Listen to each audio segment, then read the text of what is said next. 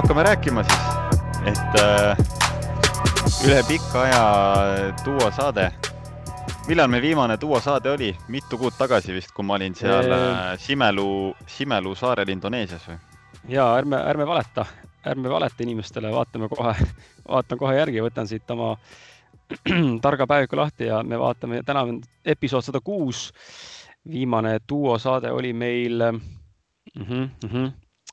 Ja, ja viimane, ohoo okei okay., mustrites elamine, vastuvoolu ujumine järgmise podcast'i diiser ehk siis kolm kuud tagasi ongi nii või ehk siis üheksakümmend üks episood oli viimane saade, kus oli duo, siiamaani edasi on tulnud kõik inspiratsioonivalangud ja külaliste saated. jah, niisugune neliteist saadet. jaa. korralik. mis vahepeal, mis vahepeal podcast'i mõttes muutunud on, ma tean, et paljud on äh, paljud kuulavad meie, meil on, me, me oleme päris jõuliselt kasvanud siin viimase, viimase kolme kuu jooksul, mistõttu on tegelikult ainu-, väga loogiline praegu siin meil, Martin, sul seletada uutele inimestele, uutele kuulajatele, et tere tulemast meid kuulama, kui te olete alles hiljuti avastanud meid ja, ja, ja üldse nagu, kes me oleme ja ja mis on nagu toimunud, et meil on viimase kolme kuuga tulnud juurde viiskümmend tuhat kuulamist, mis on päris sürr, sest et esimese poolteise aastaga tuli sada tuhat.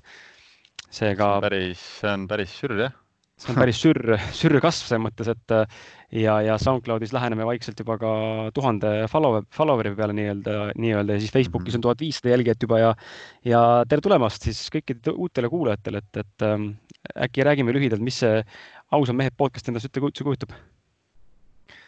ausad mehed podcast on Krisi äh, ja Martini äh, vaimu, vaimusünnitis mis äh, mis sai alguse sellest, et äh, kahel mehel oli visioon äh, oma mõtteid jagada, ennast väljendada, äh, teha seda võimalikult ausalt, rääkida asjadest, mis pakub huvi, rääkida elust, rääkida oma, oma katsumustest, oma sise, sisevõitlustest ja, ja nii see alguse sai, siin me nüüd oleme, oleks minu niisugune praegu uus, uus perspektiiv sellele asjale ja, ja podcast'is me keskendume siis äh, mitte ainult meestele, et ausad mehed äh, viitab siis mitte sellele, et jutt on ainult meestest või meestega, vaid mina ja Martin oleme need ausad mehed, kes esindavad lihtsalt seda nime nii-öelda, aga tegemist on tegelikult saatega või podcast'iga, mis on sobilik kõigile, isegi lastele, ma tean, isegi need noored, noored pubekad isegi mõnikord kuulavad meid ja, ja ja see on tegelikult täiesti fine, et me räägime siin äh, väga erinevatel teemadel, olgu siis see emotsionaalsus või eneseteadlikkuse kasvatamisest või vaimsusest või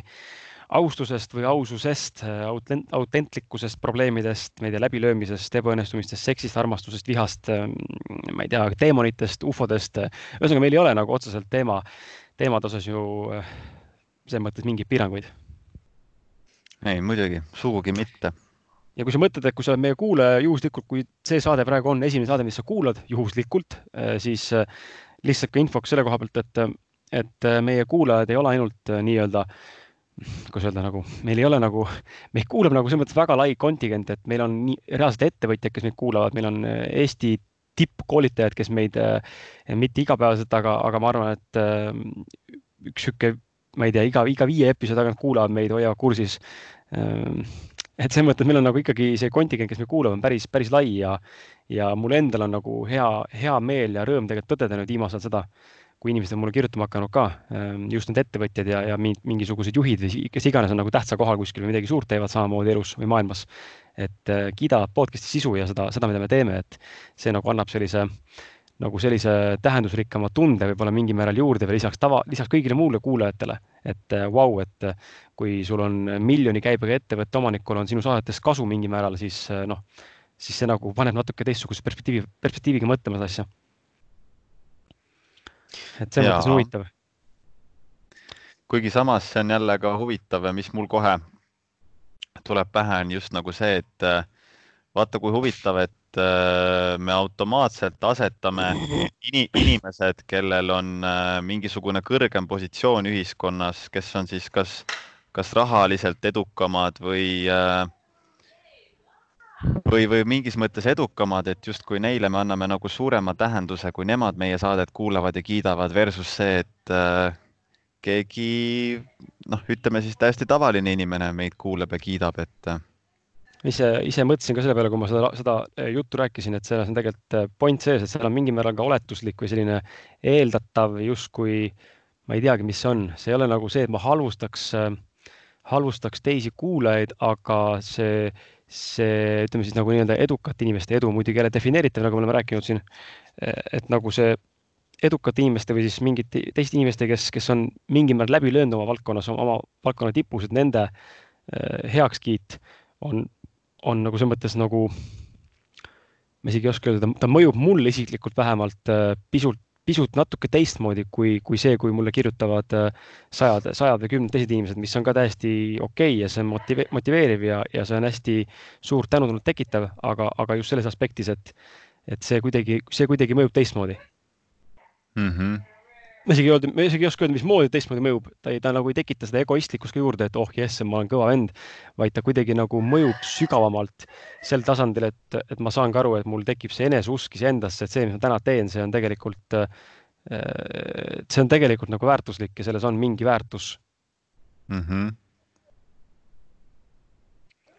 ei, igal juhul selles mõttes, ega, ega mul endal ju täpselt samamoodi, et kui äh, kui keegi, kellel on äh, mingi kõrgem sotsiaalne positsioon, äh, kiidab, see äh, mõjub rohkem, aga jah, lihtsalt praegu ongi huvitav nagu vaadata sellesse, et, et miks see nii on, et tegelikkuses ju me võiksime, me võiksime võtta kõike infot nagu võrdsel alusel mhm. ideaalis ja, ja vaadatagi, et võib-olla see Kohila vanaemalt tulev mingisugune soovitus võib olla tegelikkuses palju suurema väärtusega kui äh, võib-olla mingilt väga kõrgel positsioonil olevalt inimeselt tulenev soovitus, et, et noh, et selles mõttes jah, et, et, et, et nagu huvitav vaadata enda eeldusi, et tegelikult võiks ideaalis ju suuta nagu vaadata võimalikult äh, neutraalselt. ja neutraalselt seda kõike.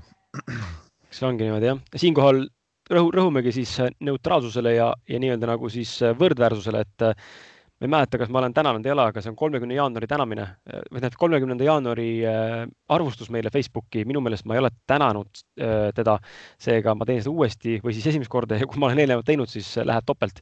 aga pole hullu, et Taivo Peterson on meile kirjutanud Facebooki, et väärt mehepojad Kris ja Martin. pean tunnistama, et nii aplalt pole mu kõrvad ühtegi Eesti podcast'i siiani neelanud. sügav kummardus selle eest, mida teete. kurat, see on hea ja siis. aitäh aitäh, et aitäh, Taivo Peterson, et ja siukseid arvustusi tuleb meile vahepeal sisse ikka, ikkagi tuleb ja ja nendega läheneme ka vaikselt kolmekümnele, et äh, kellelgi huvi lugeda, mida, mida meie kuulajad meist arvavad, siis äh, võib seda teha. aga selle eelmise teema juurde, mis me just rääkisime tagasi tulles, siis huvitav ongi tegelikult märgata mul just enne, enne kui me podcast'i hakkasime salvestama, käis see mõte peast läbi et äh, tihti vaata näiteks podcast'is rääkides me räägime asjadest nagu väga idealistlikus äh, kuidagi võtmes, et kuidas võiks ja, ja kuidas oleks nagu parim, on ju. aga tihtipeale see reaalsus tegelikult, kuidas me päriselt siis elame ja käitume, on nagu hoopis teine. et kuidagi mul on hakanud, mul on hakanud nagu kujunema niisugune arusaam, et miks tihti äh, selliseid väga, ütleme äh,, kuidas öelda siis näiteks mingeid äh, vaimseid õpetajaid või üldse siukseid, äh, ütleme, inimesed, kes on elus jõudnud sinna, kuhu ise tahaks jõuda, miks tihti neid kuulates võib jääda mulje, et nad on mingid ideaalsed inimesed, sest see ongi see, et samamoodi kui inimesed kõnelevad, siis nad räägivadki hästi sellises äh, ide idealistlikus võtmes nagu elust ja asjadest ja kuidas võiks olla ja käituda, elada. aga tegelikkus on ju teine mm. -hmm. ja siis mul kuidagi läkski mõte sellesse, et aga kuidas, kuidas rääkida asjadest selliselt, et see ei jätaks seda idealistlikku nagu muljet? no me saame siin alati, mida me oleme siiamaani teinud poolteist aastat, natuke rohkem ja, ja mida me saame tänase saatega veel rõhuda omakorda meie armsatele kuulajatele, et ma tõmbaks selle, selle loori kohe nagu maha hea meelega, sest ma ükspäev mõtlesin selle peale ka, ei mäleta, mis kontekstis, aga, aga mul oli samasugune, mingi sarnane mõte tuli pähe mul, et et see enda alasti kiskumine on tegelikult hästi oluline ja, ja mul on päris paljud kirjutanud, noh, kes minuga suhelnud on, siin podcast'i kuulajatest on nagu kiitnud podcast'i ja jutt on kuidagi edasi läinud muude asjadele ja ja ma olen alati hästi avatud, ma tahan inimestega suhelda, mul on see okei okay,, kui inimesed kirjutavad, ise kirjutan vähe neile muidugi ise niimoodi kuulajatele võib-olla, aga kui keegi kirjutab, ma vastan, las vastan ja siis me räägime. ja, ja siis keegi kirjutas mulle, ma ei mäleta, kuidas see sõna-sõnalt oli, aga kuidagi oli seal see ah,, Andres, Andres, Andres, Andres kirjutas mulle alles hiljuti, et, et kirjutas mulle mingi pika teksti, eks ole, ja, ja seal oli kuidagi selline sõnalause sees, et, et äh, tema kommentaar, ühesõnaga ta, ta ei nõustunud ühe minu saate infoga, mis ma saates nagu rääkisin ja, ja siis ta ütles, et äh, rääkis, kuidas siis ta taipas seal mingeid asju, et ei peagi inimestega nõustuma, see on kõik okei okay,, et erinevad maailmavaated, aga, aga ta tõi nagu välja selle lause, et tema välja öeldud mõte praegu mulle ausalt ilmselt mind väga ei kõiguta, sest ma olen umbes nii kõva vend, eks ole, onju või noh, ma ei tea, mhm. kuidas, aga midagi taolist umbes lause oli, ma olen nagu kõikvõimas ja mind ei mõjuta teiste inimeste arvamus. Ja, ja samamoodi kannan nüüd üle sellesse konteksti, mis sina just ütlesid, et, et me võime jätta siin saadetes enda teemadel rääkides mõnikord väga idealistliku mulje, sest mõnikord, kui midagi jagame, siis me jagame väga suure entusiasmi pealt ja selle pealt, mis praegu, praegu toimub või toimib, aga see ei pruugi mm -hmm. meil toimida nädala aja pärast. Eh, ma võtan siis nagu esimese loorina maha selle, et minu see kella viiene äratus ei ole täna kindlasti enam eh, nii tugevalt aktuaalne, kui ma tegelikult aasta alguses lootsin. Eh, kuu viisteist päeva on möödas ja mul on päris raske, pean tunnistama, mul on väga raske kell viis ärgata, ei suuda mm. -hmm. mul on äärmiselt kahju, et ma seda teha ei suuda, ma saan aru, seal on ilmselt puudu distsipliinist ja ja võib-olla ka tegelikult mul on mingisugune, ma ei tea, ju siis ei ole motivatsiooni või ma ei näe nagu pointi, miks peaks tahtma nii vara ärgata, kuigi ma tean, mida ma selle ajal saaksin teha. Eh, mul on täpselt kirjas, mida tegelikult tegema peaksin, aga ma ei tõuse üles kell viis, sest et ma olen lihtsalt, ma olen lihtsalt väsinud. seega mm -hmm nagu ja see ei ole nüüd iga päev niimoodi, aga, aga on hetki, kui ma tõusen kell viis, on hetki, kui ma tõusen kell neli ülesse, aga üldlaastus ma täna kindlasti uuest aastast nagu lubasin endale kell viis äh, 5M nii-öelda hommikumees ei ole hetkel. seega ma tahan mm -hmm. nagu sellega ka inimestele võib-olla öeldagi, et, et kui me siin midagi Martiniga jagame, siis, siis äh, jah, teie kuulate meid ja võib jääda mulje, et, et me elamegi sellist elu, aga, aga no tegelikult on niimoodi, et mõnikord lihtsalt, mõnikord lihtsalt ei ole lihtsalt niimoodi ja, ja see on nagu kõikuv mm. -hmm. tegelikult jah, väga huvitav just praegu, kui sa rääkisid siis enda sellest äh, hommikusest ärkamisest, siis samal ajal mulle tuli kohe ka see mõistmine või nagu see vastus mu enda küsimusele, et äh, läbi, läbi selle enda haavatavuse näitamise läbi, läbi võimalikult ausalt ja toorelt enda, enda mõtete, enda sisemaailma, enda, enda elu nagu näitamise ja peegeldamise läbi selle me tegelikult võtamegi selle idealist, idealistliku, idealistliku maski nagu maha ja, ja no eks muidugi siin on nüüd võib-olla valama ka endale õli tulle sellega, et tekib võib-olla meie mõnel pikaajalisel kuulajal, kes võib-olla on arvanud või arvab, et me oleme mingisugused, ma ei tea, kes, eks ole, onju. et äh, elu ongi selline, nagu ta on, et kõik on punktist A kuni punkti, punkt Z-ini välja paika pandud ja mitte kunagi eksimatu ei ole ja enne magama ei lähe, kui mul on kõik asjad tehtud, onju. no minu elus niimoodi täna kindlasti ei ole, mul on laps ja sada asja otsa veel, ma väga tihti kannan mingeid tegevusi järgmises päevas, ma lihtsalt ei jõua.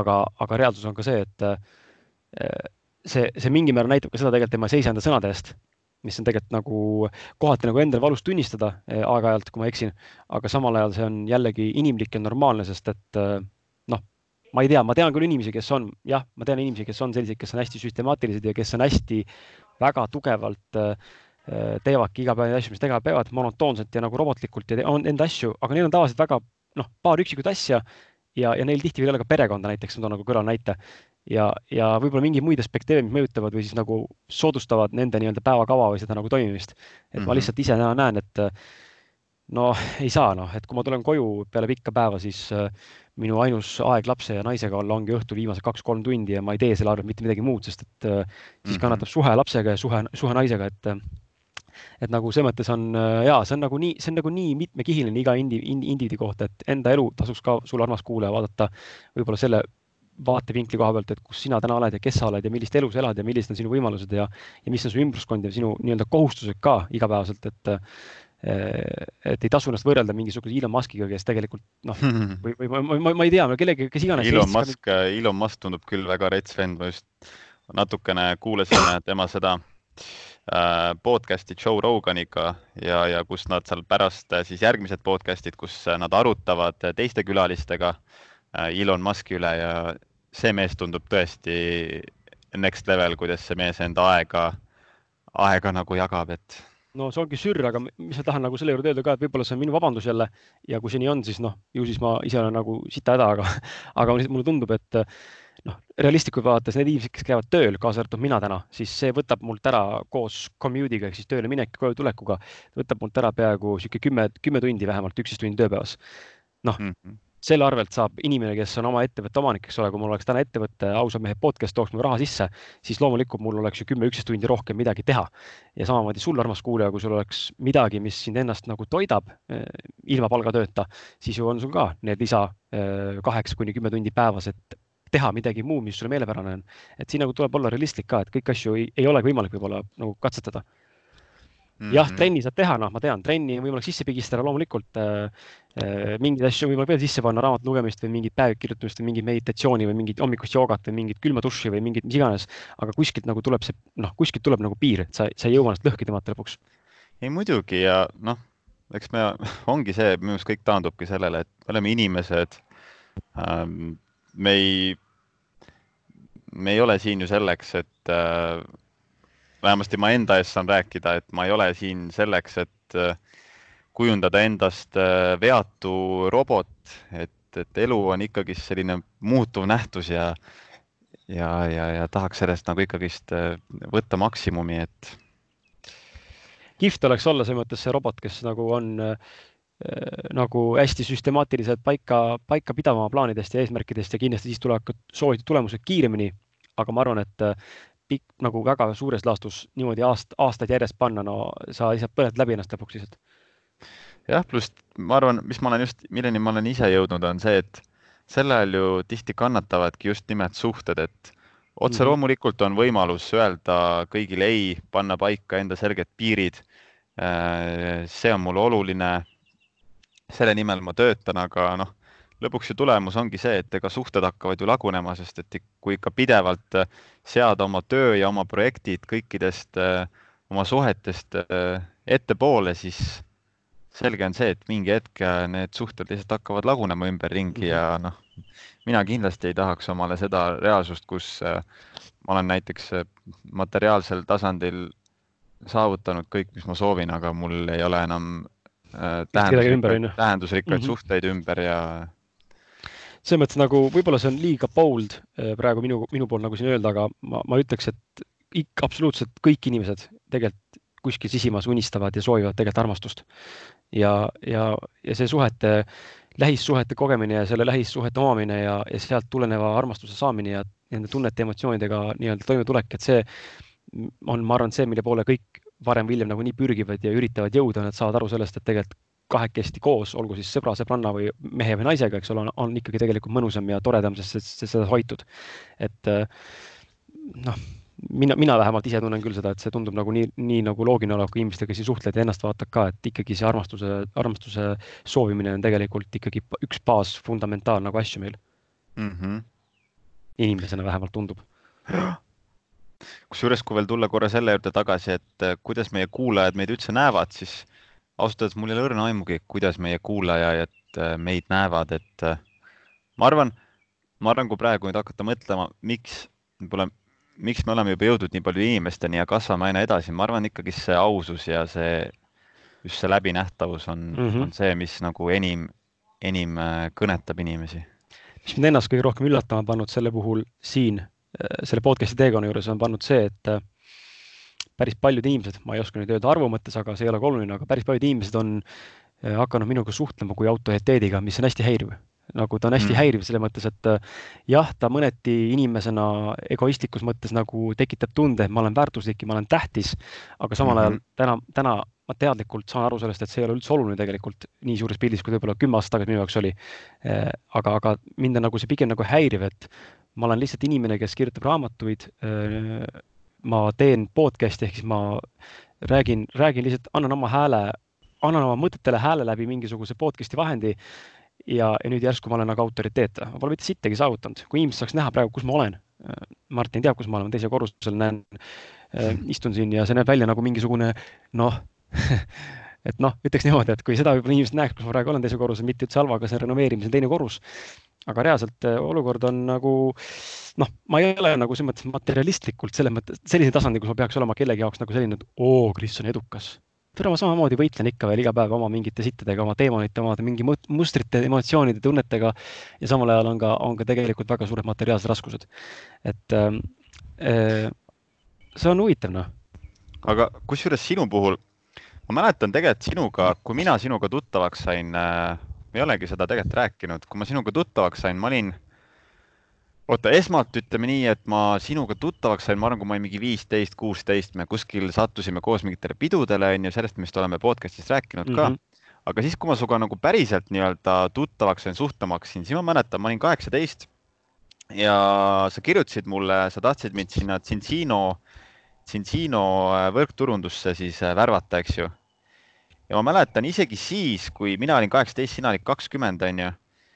isegi siis sa tegelikult jätsid mulle väga autoritaarse mulje, sest et äh, sinu selline nagu suhtlusstiil ja olek, see, kuidas sa ennast kannad, ma ei tea, kuidas sa liigud, kuidas sa kõnnid, kuidas sa räägid, su olek, kõik, see juba on selline kuidagi äh, seda tunnet tekitav, nagu sa oleks autoriteet, nii et selles mõttes ma, ma täitsa, ma täitsa saan aru, miks äh, paljud inimesed äh, nagu suhtuvad sinusse kui autoriteeti.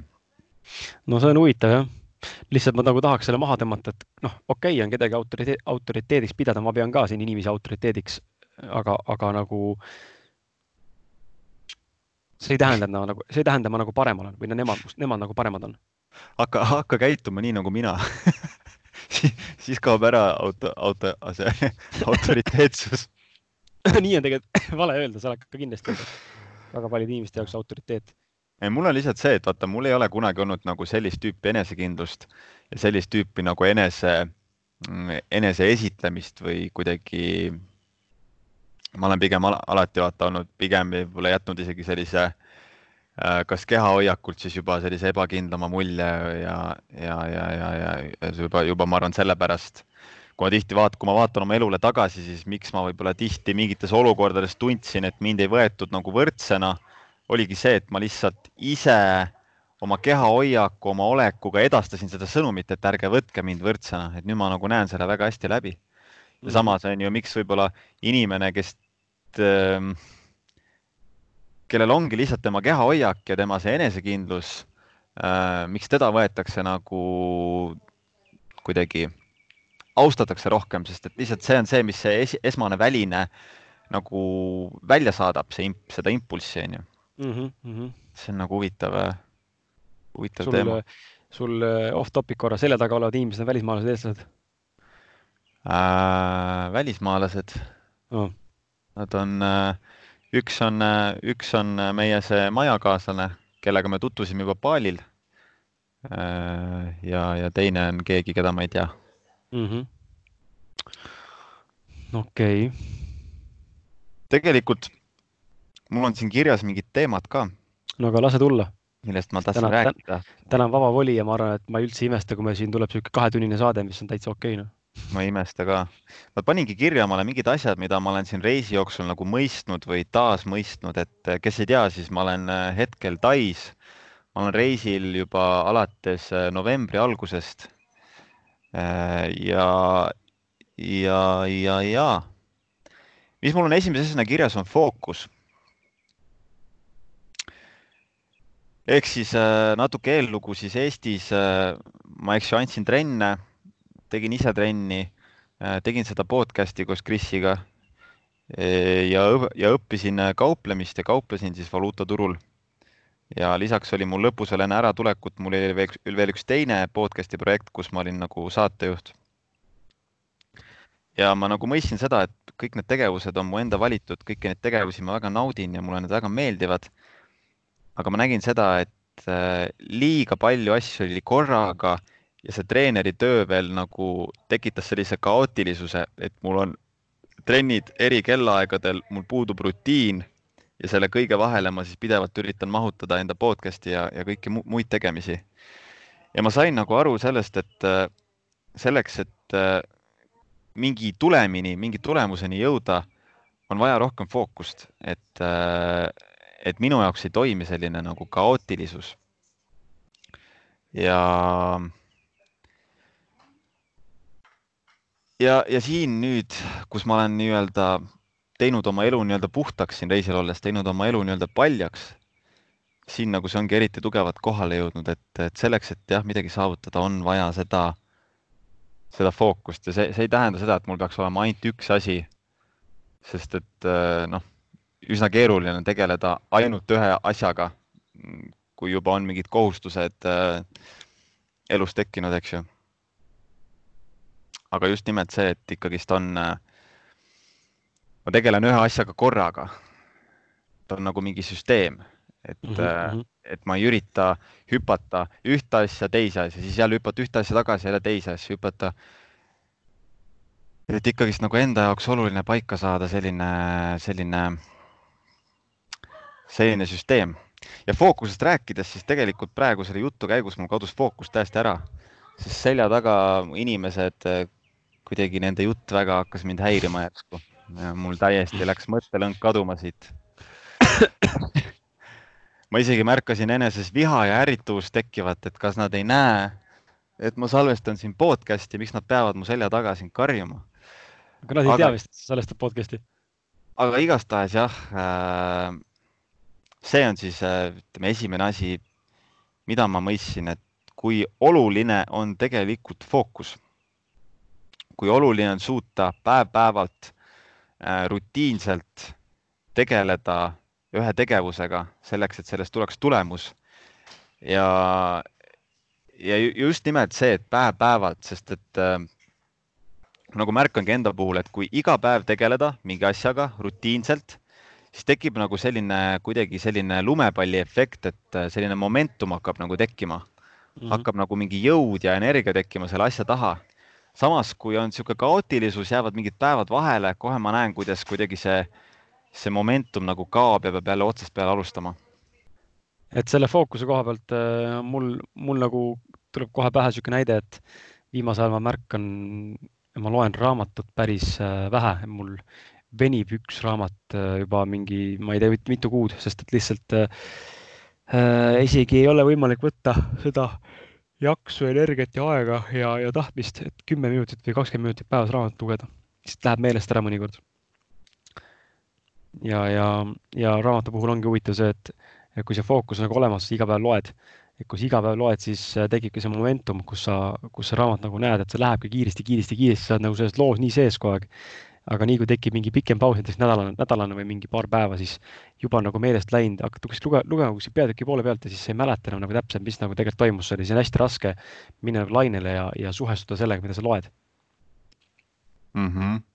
ja näed, see on, minu meelest nagu ideaalne näide sellest just, et kuidas, kui iga päev midagi teha konstantselt umbes sarnasel ajal siis tekibki selline lumepalliefekt, kus sa oled kogu aeg nagu kogu oma sellise energiaga oled nagu asjas sees.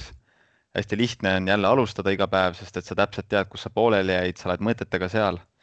aga nii kui jääb vahele, siis äh, hakkavad nagu tekkima siuksed lüngad ja jälle kuidagi tuleb otsast peale seda lumepalli veeretama hakata, et praegu ongi näiteks huvitav oligi see, et äh, ma rääkisin selle fookuse teemal ja kuna ma elan siin, elan siin äh, sellises kohas, kus me jagame, jagame maja ühe, ühe teise naisega, kes korraldab meil siin majas täna ühte üritust, siis ta hakkas selja taga, järsku tuli, hakkas mingi täiega seal juttu rääkima kõva häälega mingi teiste inimestega. ja ma lihtsalt tundsin, kuidas mul läks nagu fookus täiesti ära, nii et nüüd ma vahepeal tegelikult, selle me lõikasime pood, selle me lõikasime ja, ja selle me lõikasime välja podcast'ist, aga tegelikult ma vahepeal äh, kolisin oma arvuti ja asjadega siis siia väiksesse tuppa. et äh, saaks nagu salvestada, aga samamoodi nagu fookuse, fookus kadus ja vältimatult tuleb see jälle nagu uuesti üles ehitada, et. et see on jah, nagu üks minu nagu selline arusaamine, et Eestisse tagasi tulles ka ma tahan kindlasti treenerina edasi töötada, aga mu mõte on see, et äh, pikas perspektiivis ma ei taha töötada täis, täiskohaga treenerina, vaid ma tahan, äh, ma tahan suuta oma elu luua selliselt, et mul on päevas nagu rutiin. Et see on nagu, ma saan aru, hästi oluline selleks, et reaalselt saada nagu tehtud asju ja jõuda, jõuda tulemuseni. millega ma jõuakski tegelikult järgmise punkti juurde, mis ma olen omale kirja pannud, on keskkond et samamoodi siin äh, ringi reisides, erinevates äh, kohtades ööbides, ma näen seda, kui palju mõjutab äh, tegelikult keskkond meie sellist nagu ähm, ütleme, inspiratsiooni ja tahet teha asju. et me siin näiteks olime, ööbisime mingi neli ööd sellises hästi pisikeses toas, kus oli põhimõtteliselt oligi ainult voodi natuke ruumi voodi ümber ja vannituba ja ma kohe nägin, kuidas mul ei olnud mitte mingit tahtmist võtta kätte arvutit ja minna vaatama näiteks, mis äh, valuutaturul toimub. Ja, ja nii kui me jõudsime siis äh, siia, kus me praegu elame, kus on niisugune mõnus äh, avar äh, ala vaatega tiigile mm,. kohe on see tunne, et äh, tahaks nagu teha midagi ära mm. -hmm. et, et, et keskkond on minu meelest äärmiselt oluline, asetada end just nimelt sellisesse keskkonda, mis soodustab nende tulemusteni jõudmist. Et noh, samamoodi ma mõtlen, mis mul kohe tuleb näide pähe, et kui keegi tahab hakata trenni tegema, siis noh, ei ole palju kasu, kui seada end keskkonda, kus äh, pidevalt hängida kuskil, kuskil sõõrikubaari juures näiteks et, et on pidev tahtmine neid sõõrikuid süüa, sest need on sul nina all, onju. teised söövad sõõrikuid ja, ja, ja ei, ei, ei tekigi nagu seda tahtmist minna ja teha trenni ja aga samas, kui tekitada rutiin, et käia iga päev jalutama mööda mingisugusest jõusaalist näiteks olgu see siis äh, välijõusaal või lihtsalt mingist, ma ei tea, MyFitnessi hoonest iga päev mööda jalutada, siis kogu aeg nagu annad seda impulssi endale, et näed, trenn, inimesed teevad trenni, inimesed liiguvad, äkki läheks ka, äkki läheks ka. Et mm -hmm. Mm -hmm. nii oluline. nii ta on, jah. on sul mingid mõtted lisada selle? keskkonna koha pealt, ei ole ei ole siis on mul järgmine punkt kohe lihtsus. lihtsuse all ma peangi silmas seda, et äh, läheb väga hästi kokku selle keskkonna ja fookusega. et tuues näide, kui ma ärkan ülesse rahulikult, ma võtan aja endale, ma sean oma mõtted paika selleks, mis mind päeval ees ootab, mida ma tegema hakkan mul on kindel rutiin. ma lähen, tegelen selle asjaga, tegelen järgmise asjaga, tegelen kolmanda asjaga. ja see kõik on nagu lihtne, loogiline, see ei vaja mingit kompleksset mõtlemist, et sellest aru saada. ja nii päevast päeva, siis äh, jõuabki ajapikku tulemusteni. teisalt, äh, kui elu on just selline, nagu näiteks minul oli Eestis enne, enne kui ma reisile tulin, et äh, ma ärkan vahel ülesse selleks, et piisavalt und saada, ma ei ärka varem ja, ja lähen kohe näiteks ärkan, kohe ärkan, lähen välja, lähen trenni andma. mul on juba see esimene oluline osa tegelikult jäänud päevast vahele, et, et nagu seada ennast kuidagi mentaalselt äh, valmis selleks, et mis ma tegema hakkan päevas. kohe trenni andma, sealt jooksen kohe podcast'i salvestama, siis lähen teen ise trenni, onju, siis jooksen vahepeal sööma, siis jooksen koju, teen poolteist tundi Forexit, onju, siis lähen jälle mingit trenni andma et äh, niimoodi on nagu väga raske ära teha asju ja jõuda tulemusteni.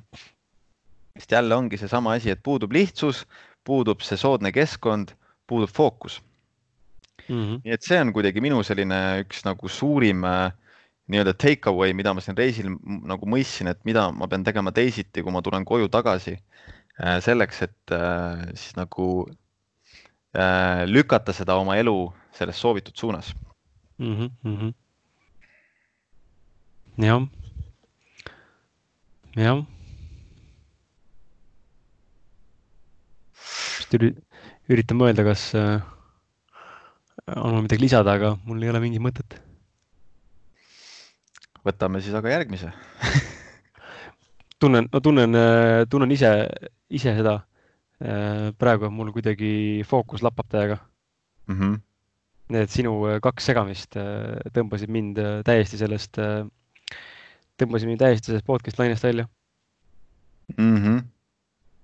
Mis näitab jälle seda tegelikult, kui, kui oluline ongi see, et sa saaksid, saaksid midagi teha nagu segamatult ja, ja ilma, et peaks tegelema mingite muude suuremate kõrvaliste asjadega nagu mingi a la, ma ei tea, noh näiteks eh, tähelepanu, tähelepanu lapsele või tähelepanu naisele samal ajal või, või nagu sul oli see kolimine teise tuppa, eks ole, on ju, et mm. -hmm.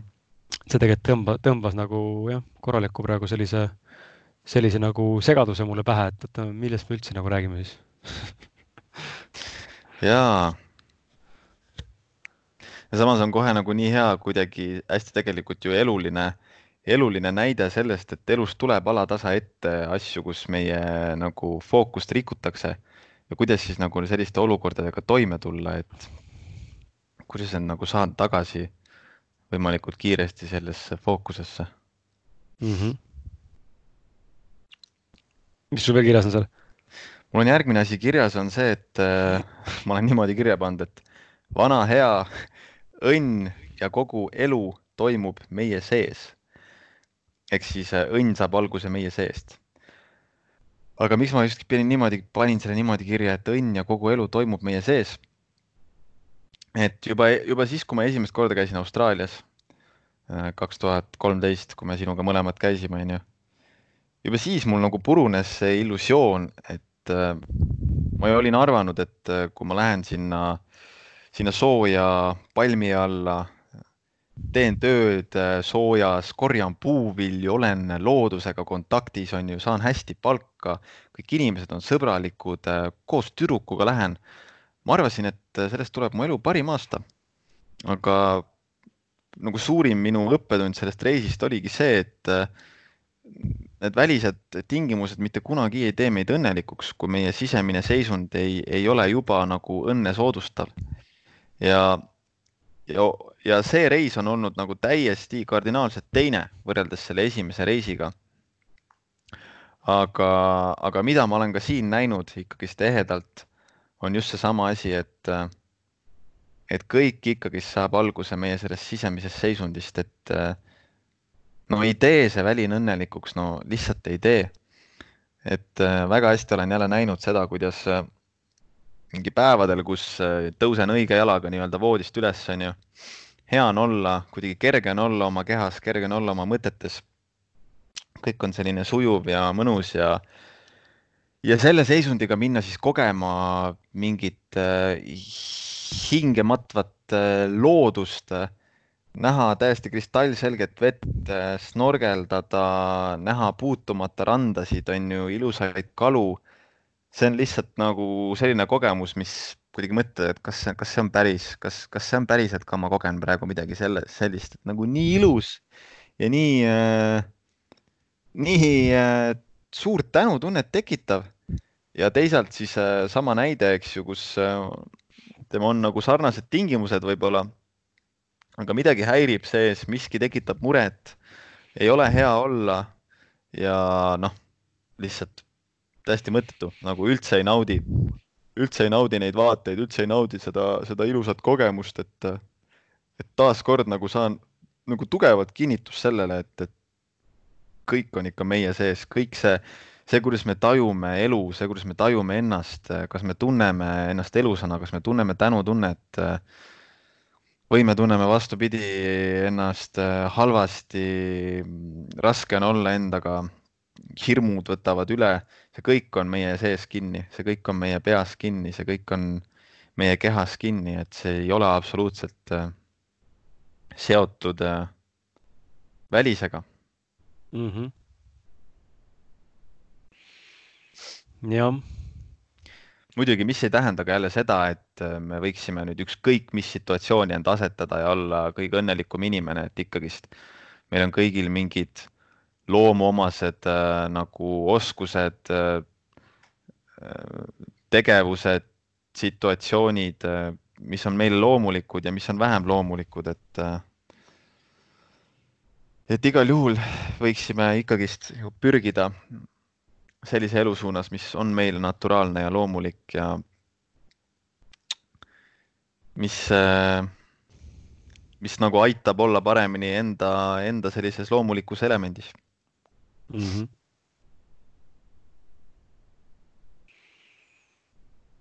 jah naljakas on, naljakas on näha sind niimoodi kuidagi, mõte on koos, et tava, tavaliselt on vastupidi, tavaliselt on alati mina olen see, kellel nagu tihtipeale kuidagi mõte jääb seisma ja.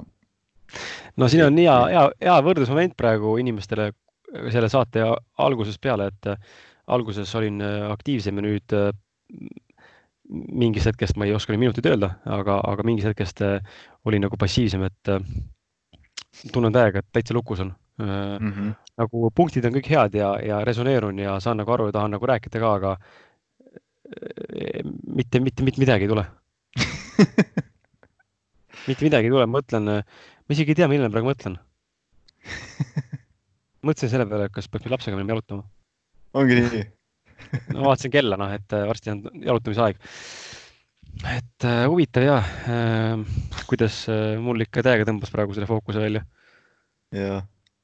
enne trenni osas ma tegelikult tahtsin seda öelda, et äh, äh, ma saan nüüd täna, täna siin seda rääkida välja nii-öelda shout out ida, sest et ma olen selle nüüd äh, kinnitanud, et ma võtsin siis selle fitness teekonna uuesti ette nüüd ja ma loodan, et siis seekord tõsisemalt, et ma loodan selles mõttes, et äh, miks ma ütlen loodan, on see, et ma ei saa öelda, ma võtan, sellepärast et ilmselgelt ma saan täna aru sellest, et see ei ole minu asi, mis mulle tegelikult meeldib, aga püüan leida sealt seda, seda viisi, kuidas teha trenni selle pealt, et mul endal oleks parem iseendaga olla. ja ma unustan ära selle fakti, et ma läheksin kuskil mingisuguseks, ma ei tea, kulturistiks kätte, onju, et mitte, et see mu soov oleks olnud, aga et just tavaliselt on olnud see eesmärk, et näidata teistele, ma olen lihastes, noh ja ma ei ole nii peenike, kuigi ma ei olegi nii peenike kui võib-olla mõni teine, aga ma ikkagi olen peenik, peenik inimene. aga just ma nagu näen nüüd, et selle fitness teekonna juures ma kuidagi mõistan, et, et ma tahan seda teha sellepärast, et ise olla, olla nagu iseenda parem versioon ka füüsiliselt, sest ma nägin läbi fitness testi, mis ma tegin revaspordis mm, -hmm. et mhm. kui, kui madal on mu võhm tegelikult ja, ja kui kiiresti läheb pulss mul südame, südamepulss läheb ülesse. et mm -hmm. päris, päris sitt äh, päris sitt füüsiline tase on tegelikult juba kahekümne kaheksa aastase noormehe kohta, kes tegelikult on eelnevalt teinud kümme aastat käsipalli, taiboksi ja karateed ja muid asju. et ma olen ikka päris käest ära lasknud ennast.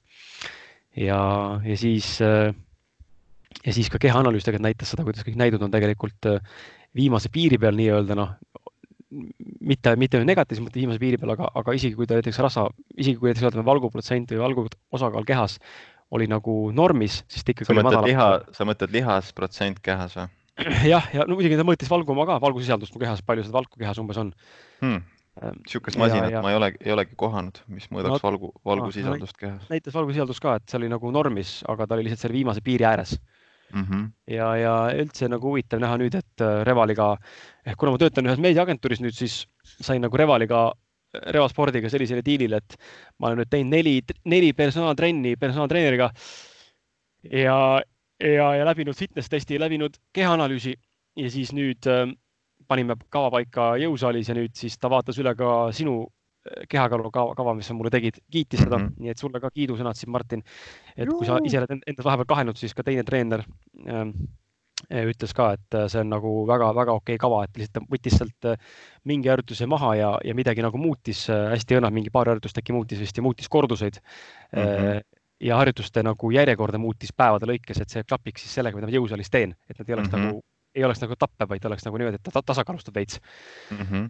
ja, ja siis nüüd ma hakkan järgmisest nädalast tegema niimoodi, et kaks korda nädalas on jõusaal ja kaks korda nädalas on nädala, nädalavahetustel on siis nagu kehakaaluga treeningud.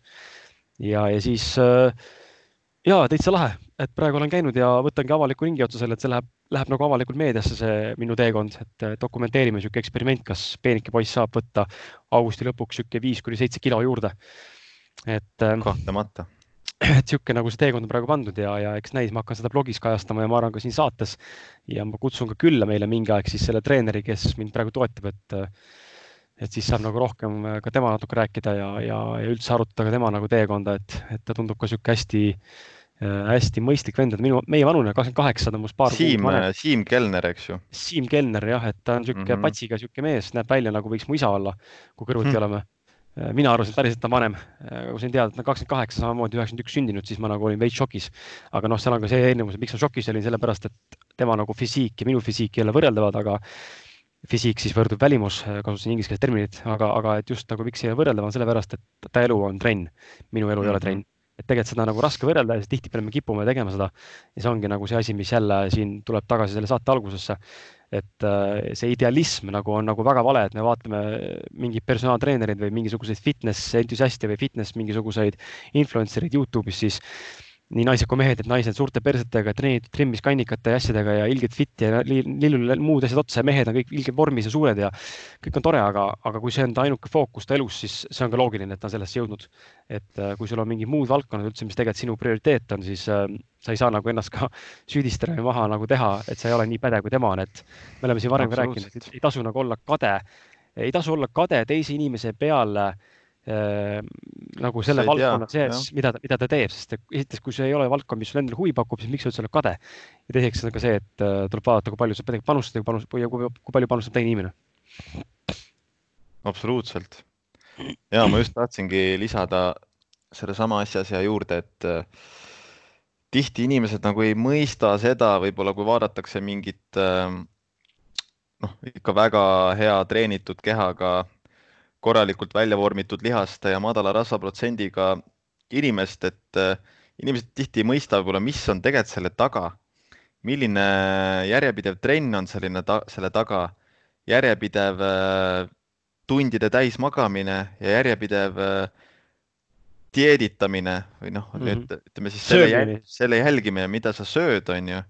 et kui palju sellised inimesed tegelikult peavad ütlema ei sõpradele peavad ütlema ei restoranis käikudele ja pidevalt äh, lugema enda kaloreid ja, ja, ja sööma, sööma võib-olla viisil, mis, mis ei ole alati, alati nii-öelda meie maitsemeeltele parim, sest et äh, noh, sellel tasemel ikkagist äh, see on, see on kõva töö ja võib-olla teine asi ka, mida ei mõisteta, on see, et ega siis see vorm on tihti selline ainult selle pildi tegemise ajaks see vorm mm -hmm. nagu ajastatakse väga täpselt ja, ja muul ajal in, inimese rasvaprotsent on palju suurem ja ta ei näe tegelikult absoluutselt selline välja, et. kui tahate nagu, kui tahate nagu lisan juurde selle, selle ka, kui tahate nagu kuulda võib-olla nagu hästi selles mõttes detailselt ja samas hästi autentselt, eh, mida tegelikult tähendab ühe sellise kulturisti inimese nagu elu, elu elamine mingil treeningperioodil või nagu sellises ettevalmistusperioodil, et lavale minna, siis Ats Loot käis meil külas siin eh, kuu aega tagasi tänaseks kuulatud üle kolme tuhande korra tema saadet ja pealkiri on siis Kui sinu keha on Ferrari, siis miks sa tangid sinna sitta. Et Ats räägib päris äh, ilusti ja hästi mõnusalt selles mõttes sellest, kuidas ta just nagu, mis Martin kirjeldaski, et see, kuidas ta prioritiseeris kõiki enda treeninguid ja söömist ja puhkamist äh, selle asemel minna reaalselt, et isegi ta ei käinud isegi vaatamas oma õe last, kui see sündis, sellepärast tal oli nagu väga oluline, et saaks valmis võistlusteks et kui palju tegelikult nad teevad ohverdusi selle nimel, et jõuda selle eesmärgini ja, ja üldse needsamad asjad tulevad, kanduvad üle tegelikult ükskõik mis, mis, mis valdkonda, see ei pea ainult fitness olema, sest fitness on nagu inimeste jaoks hästi nagu eluehe ja füüsiline näide, nagu sa näed füüsiliselt muutust mm. -hmm. aga, aga just, just nagu tegelikult iga tegevuse mõttes ka podcast, kui palju olen mina tegelikult pidanud äh, ohverdama, võib-olla nii-öelda jutumärkides ohverdama äh, enda naise ja võib-olla lapsega olemise arvelt aega, et tulla Tallinnasse ja minna tagasi koju Paidesse nii-öelda onju, et saades, salvestada üks saade onju või jääda kuskile ööseks või teha mingeid asju või, või või mis iganes veel, et äh, see kõik on olnud nagu selles mõttes mingi muu asjade arvelt, et see oleks täna siin, kus me oleme ja see ongi see, mis sa prioritiseerid ja kuhu sa tahad jõuda ja siis kui see momentum sul käima, siis asi arenebki. just. ja kui mul ei oleks olnud moment, kui meil poleks olnud momentumit siin Martiniga selle podcast'i juures, siis tänaseks me ei oleks kindlasti siin, kus me oleme, noh. no ja mina veel ütleks, et eriti kui sinul ei oleks olnud seda momentumit, sest minu, minu selle elu juures, kus mul oli, eks ju, trennid ikkagi see number üks asi ja, ja veel kõrvalt see kauplemise õppimine ja minu selle elu kõrvalt, minul see momentum oleks ammu ära kadunud, ma arvan, et see podcast, see podcast oleks võib-olla juba lõpetatud või siis see podcast oleks selline nii-öelda sahtlis olev podcast on ju, kus äh, kord kuus või harvem tuleb mingi uus saade ja noh, saabki seal niisugune sada kuulamist, et äh, tänu sellele, et sinul see momentum oli nii kõvasti ehitatud, et sina pidevalt push isid, kui mina võib-olla laisklesin, eks ju tänu sellele see podcast äh, nii kõva on. jah, hea, hea näide ongi tegelikult tuua see, et äh, kui me alguses salvestasime seda minu äh, pisikeses korteris, siis ju tihtipeale sa tulid, sa jäid minu juurde ööseks, magasid on ju all diivanil, kuna polnud teist lahti käivat voodit, on ju. ja, ja läksid hommikul tööle, et aeg, mis oleks võinud tegelikult õhtul kodus Eliisega veeta, on ju. Mhm. et, et ja noh noh, niimoodi ei saa öelda, et oleks võinud ise keelde veeta, selles mõttes, et aga tegelikult äh, me ei salvestanud ju podcast'i viis tundi, et tegelikult me sealt panustasime ka üksteise suhtesse, selles mõttes tänu sellele meil ka hea suhe, sõprussuhe sinuga.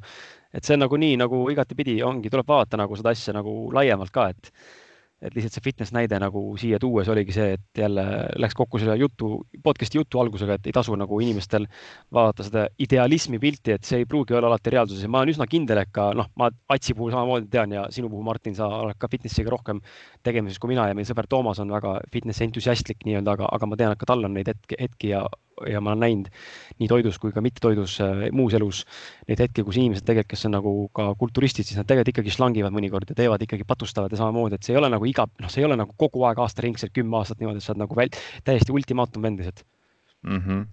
et ikkagi nagu jaa, suures pildis oled, aga, aga nagu on asju, kus see kõigub, et inimesed peaks nagu avama silmi ja olema nagu oleme nagu realistlikumad ja küsima küsimusi ka, et aga kas ta päriselt ka on kogu aeg niimoodi, et nagu ise ka mõelda ja, ja kui julgus on, siis küsi noh. ja kui on normaalne inimene, äkki ta vastab ka sulle normaalselt, nagu mina ja Martin võib-olla vastame, et kuule, ei ole iga päev kell viis äratus ja ja tead, ei ole nii, et ma olen äh, kogu, kogu aeg armastan oma naist, vahepeal vihkan ka võib-olla ja ja mis iganes veel, eks ole, onju, et äh, noh, lihtsalt tõin nagu suvalised näited mm. -hmm. et äh, et see ei ole päris nii, nagu sa, me kõik nagu näeme ja, ja meile tundub. et jube lihtne on teid petta siin selle helilise, helilise sõna nagu vestluse käigus arvamaks midagi, kes me tegelikult Martiniga ei ole mm. -hmm. mitte me nüüd kogu aeg valetaksime, me ei valeta üldse, selles mõttes, et me muidugi me teeme neid asju, mille, millest me räägime ja me oleme neid teinud, lihtsalt need ei ole võib-olla kogu aeg nagu nii jätkusuutlik, kui nad peaks olema, aga, aga nad kindlasti on osa meie elust. noh, mingil määral, kas siis rohkem või vähem, eks ole mm. -hmm. jah kusjuures trenni, trenni juurde tagasi tulles, siis äh, ma ei ole enam äh, tükk aega äh, mediteerinud järjepidevalt ega joogat teinud järjepidevalt, sest kunagi ma ju tegin äh, väga järjepidevalt äh, joogat mm. -hmm. ja, ja tihti näiteks Anja on mulle maininud, et ma võiksin teha või, või ma ise olen mõelnud, et kurat, et nagu ei ole enam äh, mingit sellist praktikat mu elus, mis tooks mind nii-öelda äh, mis suurendaks minu sees sellist äh, kohalolu ja võimet märgata, võimet märgata, mis toimub minu sisemaailmas. ja ma kogu aeg mõtlesin, et kurat jama, et ikka peaks, peaks nagu tegema hakkama, aga siin nüüd reisil olles mingi viimastel, äh, ma ütleks mingi viimase kahe nädalaga mul tekkis sihuke taipamine, et äh, mul oli kaks korda niimoodi, kus äh, mul oli üsna sihuke kehva tuju, miski oli mind häirinud, miski oli mind enda keskmest välja viinud. Ja ma läksin äh, trenni tegema randa mm,, siuksesse kind of välijõusaali. ja tundsin, kuidas trenni tehes nagu mu sisemine seisund muutus kardinaalselt, tundsin, kuidas järsku ma olin jälle tagasi enda keskmes, kuidas järsku ma nägin jälle nagu sellist äh, avaramat pilti iseendast ja oma elust kuidas järsku oli nagu ruumi minu mõtete ja minu vahel nii-öelda. ja, ja siis nagu jõudis kohale, et vau, see minu trenni tegemine ongi muutunud nagu meditatsiooniks või joogaks minu jaoks, et äh, seda tehes ma lähen alati nii nagu hetkesse äh, kohale ja, ja nii-öelda ühendun oma kehaga, ühendun selle tunnetusega ja ja siin nüüd äh, viimased trennid ka, ma olen sellele veel ja veel kinnitust saanud, et tõepoolest, et nii ongi. ja, ja see on ka põhjus, miks ma olen ilmselt terve elu ol, nagu nautinud niivõrd suurel määral mm, trenni tegemist, sest et äh, see ongi minu jaoks nagu äh, selline kohalolu ja, ja teadlikkuse praktika mm. -hmm, mm -hmm et, et kindlasti see on inimeseti erinev, aga kelle jaoks see on kunst, kelle jaoks see on mis iganes. aga tõepoolest, minu jaoks see on enese liigutamine füüsilisel tasandil.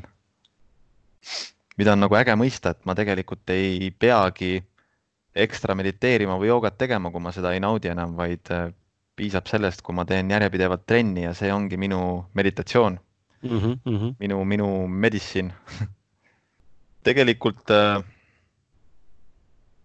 tulles veel näiteks, tulleski selle teema juurde, mm, selle, mm, mis me rääkisime, eks ju, ükskõik mis elualal, aga me tõime just selle fitnessi näite. et, et, et mis nagu, mis tegelikult, mis on see nii-öelda töö või, või, või need nagu ohverdused, mis lähevad mingi asja sisse, et jõuda mingi tulemuseni. mis on kohe minu meelest hea näide, ongi see, et et ma olen olnud siin reisil nüüd, eks ju, praegu läheb äh, neljas kuu juba. ja noh, ülikõva reis on olnud, selles mõttes üli, ülimõnus reis on olnud, ma olen nii palju kogenud siin, mõistnud, näinud väga-väga-väga äge. aga jällegi, mis on nagu tegelikult selle asja ohverdus, on see, et äh, mul saab raha kohe varsti otsa, mis tähendab, et ma tulen tagasi äh,. Ma ei saa naasta kohe treeneri tööle, sellepärast et äh, kuna puudub koht, kus elada, siis mul on vaja ju raha, et üürida korter, mul on vaja raha, et äh, elada, ma ei tea, esimene kuu või kuni siis nagu raha tuleb stabiilselt peale kuna seda raha ei ole, siis äh, ma ei saa naasta sama, samas kohas, kus ma pooleli jäin Eesti. ehk siis ma lähen alguses tõenäoliselt, kui mingit ägedamat võimalust ei teki. Nii et kui te meid keegi kuulate ja sul on mingi äge, äge tööpakkumine, siis võid vabalt mulle kirjutada. aga jah, et kui mingit ägedamat võimalust ei teki, siis ma lähen esialgu kasuisa juurde Soome ja teen seal äh, siis äh, natukene, natukene ehitust, et äh, jälle jalad alla saada, et noh, tegelikult ka hea näide sellest on ju, et et ma olen siin nautinud nüüd on ju pea, pea neli kuud. aga, aga mis on nagu, mis on selle asja nii-öelda ohverdus, on see, et ma pean võib-olla tegema mõnda aega tööd, mida ma ei naudi, mida ma vabatahtlikult ei teeks, kuna ma siia tulin. no,, selle olukorra lihtsalt olukorra lihtsalt lahendaks siis see, et äh, kui, kui oleks nagu selles mõttes mingisugune muu, ma ei teagi, passiivne või oleks, mitte passiivne, et oleks selline hetk käes, kus sa ei pea näiteks töötama, et a la sa teed midagi muud ja siis käidki reisil, nagu siin mõned inimesed käivad, eks ole, paljud käivad niimoodi. aga et sul on nagu raha jätkata ka oma sama vana eluviisi uuesti edasi. absoluutselt, see ju eesmärk ongi, see, see on see, miks ma seda kauplemist õpin ja, ja kauplen täpselt just nimelt sel põhjusel, et saaks elada sellisel viisil, et sellisel viisil nagu, nagu tundub kõige loomulikum mm -hmm.. kusjuures mul on siin kirjas veel äh, tegelikult mõned punktid, mis ma olen siin reisil nagu taibanud või mõistnud või aru saanud, et et järgmine asi, mis mul on kirjas, on hinnangud ja arvamused. ja ütleme, seda ma juba Eestis hakkasin väga palju nägema, kuidas mul on väga palju tegelikult äh,, niisugust inglise keeles on hea sõna, judgment, väga palju sellist äh, hukkamõistu ja, ja nagu hinnanguid ja, ja selliseid arvamusi mingite teiste inimeste kohta või nende tegevuste kohta, nende valikute kohta. ja, ja eks ma juba Eestis hakkasin seda nägema, et mul on ikka kuradi palju seda kõike. miks see on nii? ja, ja circling'i praktiseerides ma nägin, kuidas tihti äh, need arvamused ja hinnangud baseeruvad täiesti mu enda mingil ettekujutusel või enda väärtõlgendusel. ja siin reisil ma olen nagu eriti seda näinud, kuidas no kuna ma olen väga palju näinud siin äh, selliseid, äh, ma ütleks siis äh, hipi stiilis või spirituaalseid inimesi, kes äh, noh, riietuvad väga, ütleme spirituaalselt äh,. Nende kuidagi terve olek on selline, ma ütleks nagu mm, teistmoodi. ja, ja ma olen märganud, kuidas minus on väga palju tekkinud seda hukkamõistu, et äh, nende vastu ja väga mm palju arvamusi, väga palju hinnangut. ja ma sain aru, et miks mul seda vaja on. see põhjustab mulle ainult tegelikult endale kannatusi, see vähendab minu kogemust, see piirab, piirab minu võimet luua tegelikult äh, ühendust selliste inimestega. Ja nagu selles ei ole mitte midagi positiivset. Ja, ja see on nagu üks, üks nagu selline suur taipamine, et kuidagi samm-sammu haaval ähm, eraldada ennast nagu nendest kõikidest arvamustest ja hinnangutest, et äh, täiesti kasutud, täiesti kasutud. jah. selles mõttes, et äh, ütleme, kui nüüd minna päris süga, sügavale, on ju et kui nüüd elada nagu ilma uskumusteta, ilma hinnangute, ilma arvamusteta, siis selles reaalsuses siin, kus me elame, on, siis me oleme, siis ma olen nagu juurvili, onju. Niimoodi on ka keeruline, et selge see, et selleks, et siin maailmas opereerida, siin ühiskonnas olla, muidugi me, meil võivad olla omad nii-öelda arvamused, eelistused. aga see, et nüüd nende hinnangute ja arvamuste külge klammerduda ja neist kümne küünega kinni hoida ja neid kaitsta see on see, mida, mida mina ei soovi enam teha ja millest ma soovin järk-järgult vabaneda mm. -hmm, mm -hmm.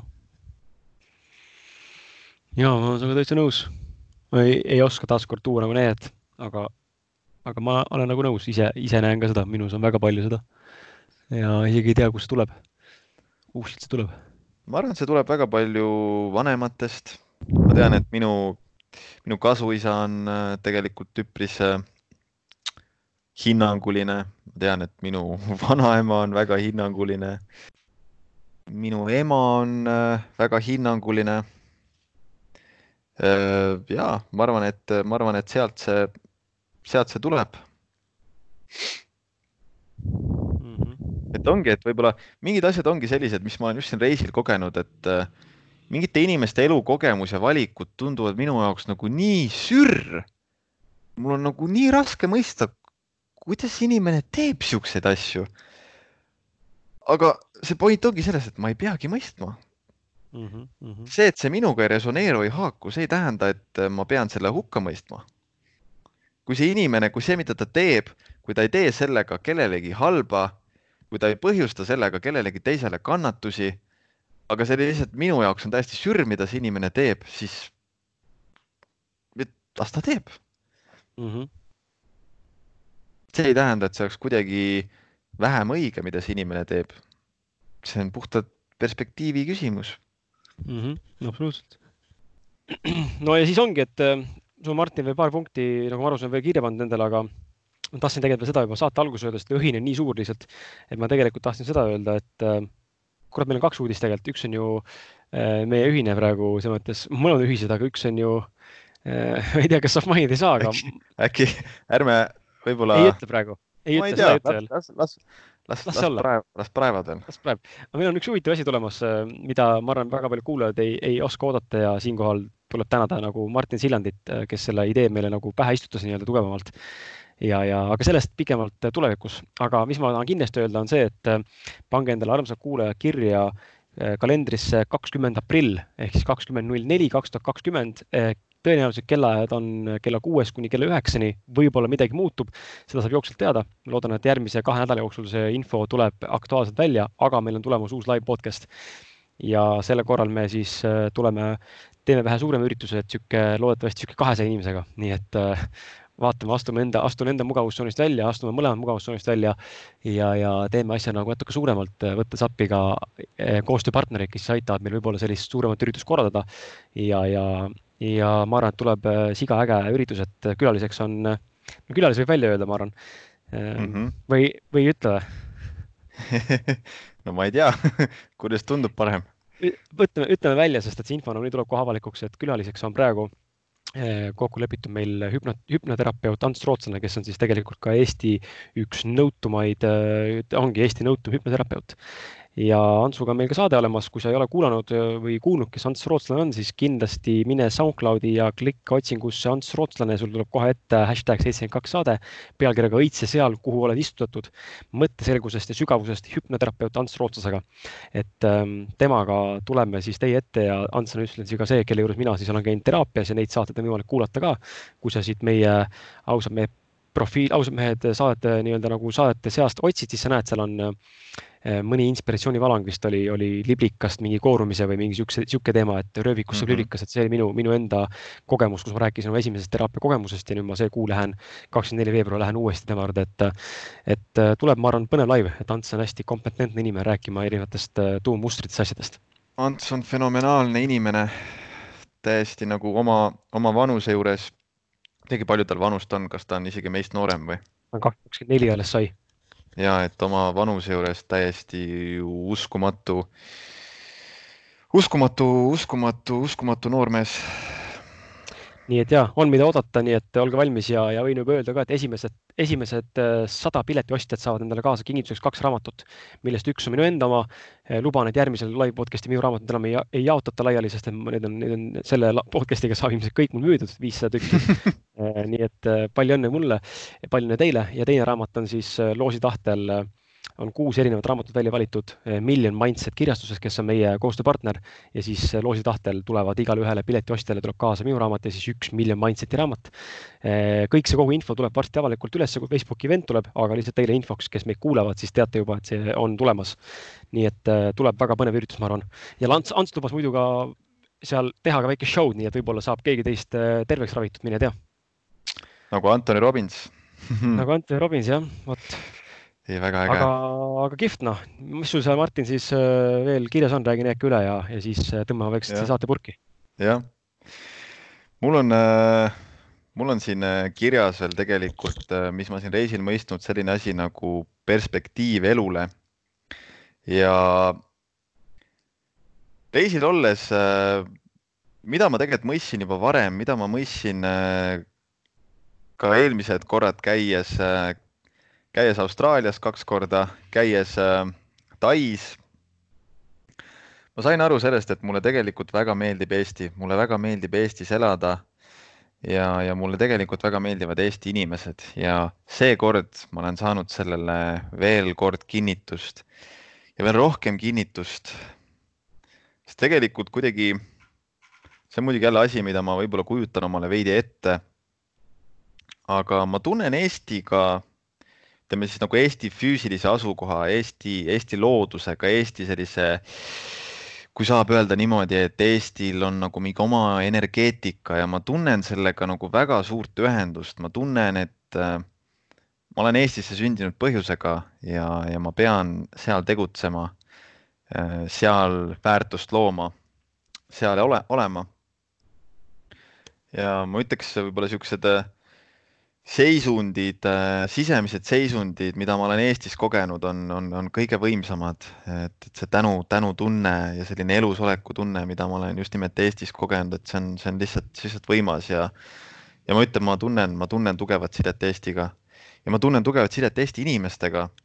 et samamoodi siin reisil olles, äh, kohates erinevaid inimesi, suheldes erinevate inimestega. igal pool on erinevad inimesed, aga kuidagi ma ei tea, see eestlaste selline, kuigi me oleme kuidagi välispidiselt tihti tundume külmad, äh, raske on nagu võib-olla sisse näha. aga kuidagi, kui Eesti inimesele südamesse pääseda, siis äh, ma ei tea, kuidagi, ma ei oskagi seda sõnadesse panna, lihtsalt äh, ma armastan eestlasi ja, ja, ja, ja nii hea on Eesti inimestega rääkida südamest südamesse, pidada ausaid vestlusi, koos areneda. et see on nagu üks, üks, üks ka asi, mida ma olen siin mõistnud, et ikkagist Eesti Eesti ja Eesti inimesed, I fucking love it nagu. ma ei ole, ma ei ole mingi patri, patrioot, aga, aga jah, seda, seda on nagu hea mõista, et, et Eesti on, on, on see, kuhu, kuhu, kuhu kuulub süda vot ja, ja mis mul siin veel viimase asjana kirjas on ikka, ikka ausus ja autentsus, et äh, see on minu, minu ütleme, vaimne praktika ongi aususe praktika. et olla võimalikult aus iseenda vastu, eelkõige iseenda vastu ja, ja muidugi ka teiste vastu. ja see on see, mis äh, kuidagi tekitab äh, aina enam elus sellist kvaliteeti, aina suuremat tänutunnet, aina suuremat kergust äh, olla iseendaga, olla oma mõtetega, äh, aina suuremat vabadust oma elus. ja, ja kuidagi jah, siin olles on nagu jälle, nagu jälle kuidagi ka taaskord hea nagu selleni jõuda, et see, et see suund on, on õige ja see suund on äh, paigas mis, mis suunas liikuda ja, ja mida, mida nagu teha, et vot. täna siis selline podcast, et äh, Kris juba vahepeal läks siin sujuvalt ära täna on selline, selline veider äh, episood, kus meid mõlemat äh, segati mitu korda. et ma sinna lõikasin välja, aga, aga mind segati kaks korda niimoodi, et me pidime otsast alustama ja kuidagi selline flow kadus ära.